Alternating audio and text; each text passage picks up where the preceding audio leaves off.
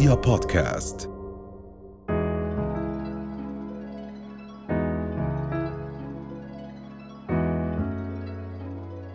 الدكتورة ألهاء خلينا نتحدث بالبداية عن لما عم نحكي عن الرضع عم نحكي عن أطفال يعني لحد سن ثلاثة أشهر تقريبا. تمام. يعني خلينا نتحدث ما أسباب وما أعراض الارتجاع المريئي عند الرضع؟ هلا موضوع الارتجاع المريء كثير موضوع مهم لأنه شائع بنعتبره بأول سنة خصوصا من عمر الطفل. يعني تقريبا أكثر من 50% من الأطفال ممكن يصيبهم بأول سنة ارتجاع مريئي اللي هو بيكون فسيولوجي. آه ومن أكثر الأسباب بتخلي الأم إنها تزور دكتور الأطفال بأول أشهر من عمر ال baby لأنها ممكن يعني تكون منتبهة إنه في شيء مضايقه إنه ال baby عم يستفرغ. هلا عادة الحليب أو الأكل بنزل من المريء للمعدة من الاتجاه من فوق لتحت مع تقلصات المعدة المنتظمة ال rhythmic نعم. فبتدفع المحتويات لتحت للمعدة. هلأ إذا محتويات المعدة أو الحليب طلع للمريء هذا بيكون صار عندنا ارتجاع مريئي. ممكن يكون الارتجاع بس لجزء من المريء. ممكن يصير يوصل لعند حلق البيبي ويعمل له أعراض انزعاج وممكن يصير استفراغ وتشوف الأم هذا الاستفراغ. هلأ طبعا يعني أسبابه إنه الطفل بأول آه، آه، أيام من حياته أول أشهر بتكون لسه معدته صغيرة. وأغلب اللي بياخذوا الطفل هو حليب سوائل وبتكون هاي الحليب كميات كبيرة مقارنة بحجم معدة ال baby. يعني مثلا بأول أسبوع من عمر ال baby معدته يدوب بتوسع 60 ml لعمر الشهر لتصير توسع 100 120 فإذا أخذ الطفل آه كميات حليب شوي أكثر أو رضع زيادة فبسهولة بيرجع هذا الحليب. ولأنه اتصال المعدة مع المريء بأول آه، فترة من عمر ال baby بيكون آه، غير ناضج ولسه غير مكتمل. وطريقة الاتصال آه، وعلاقتها بالحجاب الحاجز بتشجع إنه يصير في عندنا هذا الارتجاع. كمان البيبي بيكون نايم على ظهره أغلب الوقت والمريء قصير فهذا كله بشجع إنه يصير في عندنا ارتجاع فسيولوجي. ما بيكون مصاحب لأعراض مرضية بالجهاز الهضمي أو الجهاز التنفسي وهذا أغلبه بيروح مع الوقت. نعم. اذا ربما واحدة من النصائح إنه الطفل ما ينام على ظهره كامل مزبوط. إنه يكون أعلى شوي مثلا؟ مزبوط هلا الارتجاع الفسيولوجي اللي ما بيكون شديد وما في أعراض مرضية علاجه بيكون هو أشياء وقائية نحن بنعملها آه، بتساعد ال baby إنه يخفف هاي الأعراض. في ال baby اللي بس بتشوف الأم إنه بيستفرغ بس هو وزنه بيزيد منيح وال baby مبسوط ما عنده أعراض ثانية نعم. بس ننصح الأم إنها دائما تنتبه على رضاعته ووضعيته طول الوقت. أهم شيء إنها ما ترضعه آه، زيادة. مرات الأم مثلا خصوصا دائما بشوفها بقول baby ال baby بيبكي لكل شيء مثلا إذا هو جوعان إذا نعسان ومش عارف ينام إذا مشوب ال baby بيبكي. فالأم مرات بتستجيب لبكاء الطفل بالحليب. هلأ الطفل حتى لو شبعان بياخذ هذا الحليب. فإذا صار في عندنا شوية حليب زيادة هذا بزيد الارتجاع. فنحاول الأم دائما تنتبه على علامات الجوع عند ال baby علامات الشبع علامات النعس عشان تستجيب بالطريقة الصح. فإذا حست وهي عم بترضعه إنه بلش يعطي علامات شبع خلص ما تخليه يكمل القنينة بال يعني بالإجبار أو بالغصب. نعم. خلص توقف الرضاعة كمان مهم إنه مرات الأطفال اللي عندهم ارتجاع بيساعدهم إذا صارت الأم تقسم الرضاعة على آه، فترات متقاربة وكميات أقل. مثلا إذا بتعطيه 120 كل ثلاث ساعات ممكن تصير تعطيه 60 آه، آه، كل ساعة ونص أو فترات متقاربة أكثر يعني. أه وتحاول دائما وهي بترضع البيبي تتحكم بسرعة الرضاعة لأن البيبي إذا رضع بسرعة مرات أه خصوصا بأول ثلاث أشهر إذا البيبي جوعان بصير أه يشفط الحليب بسرعة بزيد الارتجاع. فدائما تحاول تتحكم بسرعة رضاعة البيبي وهي عم بترضعه دائما تحاول تخليه بوضع شبه قائم سواء بترضع رضاعة طبيعية أو صناعية. يعني تخلي دائما راس البيبي شوي مرفوع تتحكم إذا هي بترضع طبيعي تحط مساند تحت إيدها وإذا بترضع صناعي تتحكم بزاوية الأنينة وترفع رأس البيبي شوي عشان يخفف من الارتجاع.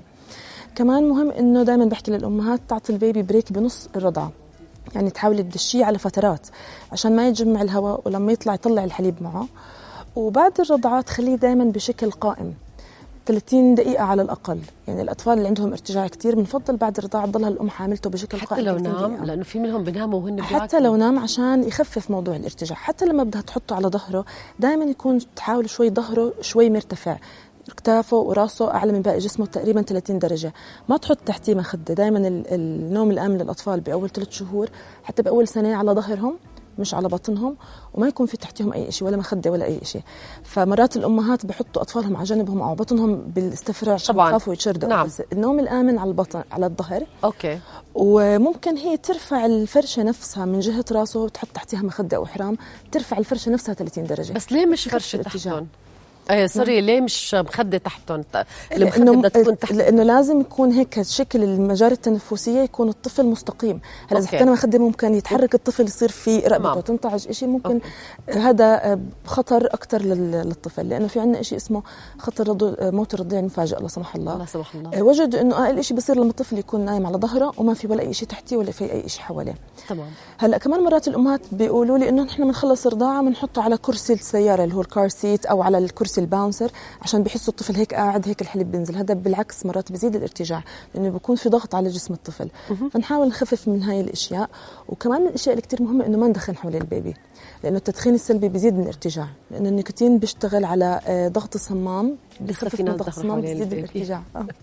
لسه بنشوف في دخان بالبيت. مثلا بيحكوا لي بندخن بغرفة اللي جنبه ما هو الدخان بوصل. طبعا. فلازم ما يكون في تدخين بكل البيت. أكيد.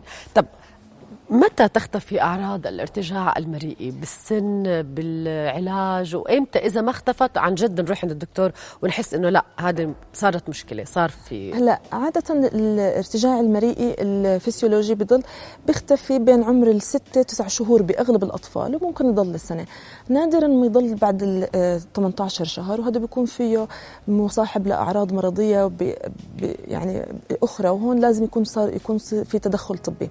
هلا عادة الأعراض البسيطة اللي بتكون عند الأطفال اللي هي بالحالة الفسيولوجية بيكون إنه الأم بتشوفه بيستفرغ بيرجع حليب بس البيبي مبسوط ما عنده أعراض ثانية وبزيد وزنه منيح. هلأ إذا صار في عندنا أعراض ثانية إنه بيكون شديدة أكثر الطفل مثلا صار يأثر على نومه.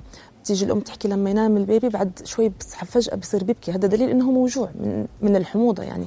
إذا صار يرفض الرضاعة وهو برضع خلص يصير فجأة يبكي ويترك الرضاعة فصار يأثر على وزنه أو صار يصير عنده أعراض تنفسية مثلا. انسداد بالأنف تسمع صوت للنفس غريب بصير الحليب يرجع ممكن يفوت للقصبات يسوي التهابات رئوية. هون صارت حالة مرضية لازم الأم دغري ترجع للدكتور. إذا شافت في كمان الاستفراغ عادة بيكون مش بقوة مش مندفع. بيرجع ممكن بعد ربع ساعة بعد نص ساعة بعد ساعة من الرضاعة بس بوسخ البيبي نفسه. ما بيكون بقوة وبكون الاستفراغ ما فيه لون أصفر ولا أخضر ولا فيه لون دم. إذا شافت هاي الأشياء الأم لازم دغري تروح على الدكتور.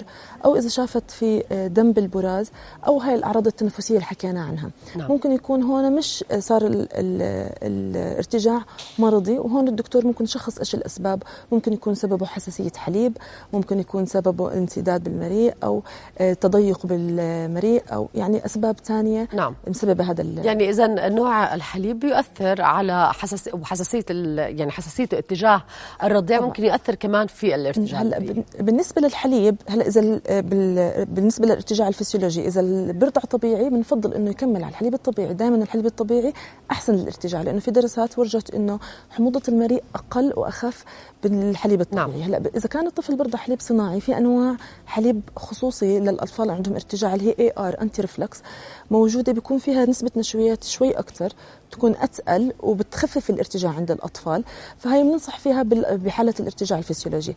بس إذا شك الدكتور إنه في عندنا حساسية بروتين حليب أو هو المسبب الارتجاع ممكن نغير نوع الحليب. لحليب آه، خالي من البروتين البقري. وإذا كان برضع من الام بهاي الحالة ممكن الام تتبع حمية غذائية معينة نوقف كل منتجات الحليب البقري حتى ممكن مرات توقف آه، البيض واللحوم في هاي نعم. الحالة. شكرا جزيلا لوجودك معنا دكتورة وشكرا على كل هذه المعلومات والنصائح اللي إن شاء الله الكل يستفيد منها. إن شاء الله. رؤيا بودكاست.